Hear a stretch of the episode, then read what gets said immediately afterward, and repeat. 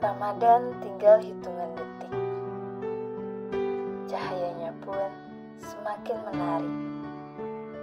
Tapi entah mengapa hati ini kian terusik. Sepertinya Ramadan kali ini akan berbeda. Tak sama seperti Ramadan di tahun sebelumnya. Pasalnya, pandemi sedang merajalela.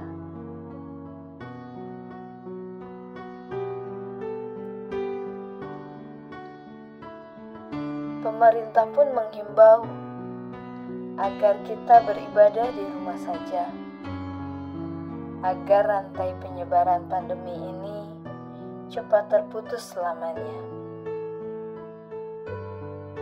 Bila memang demikian, maka tak ada lagi tarawih berjamaah.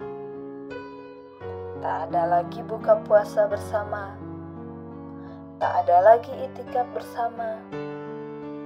Atau bahkan tak ada lagi sholat id berjamaah.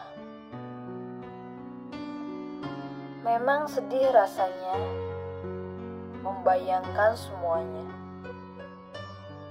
Tapi kita sebagai hambanya tak boleh berputus asa. Tak boleh putus harapan kepadanya. Di balik semua ini, mungkin Tuhan hanya ingin agar kita lebih dekat dengannya.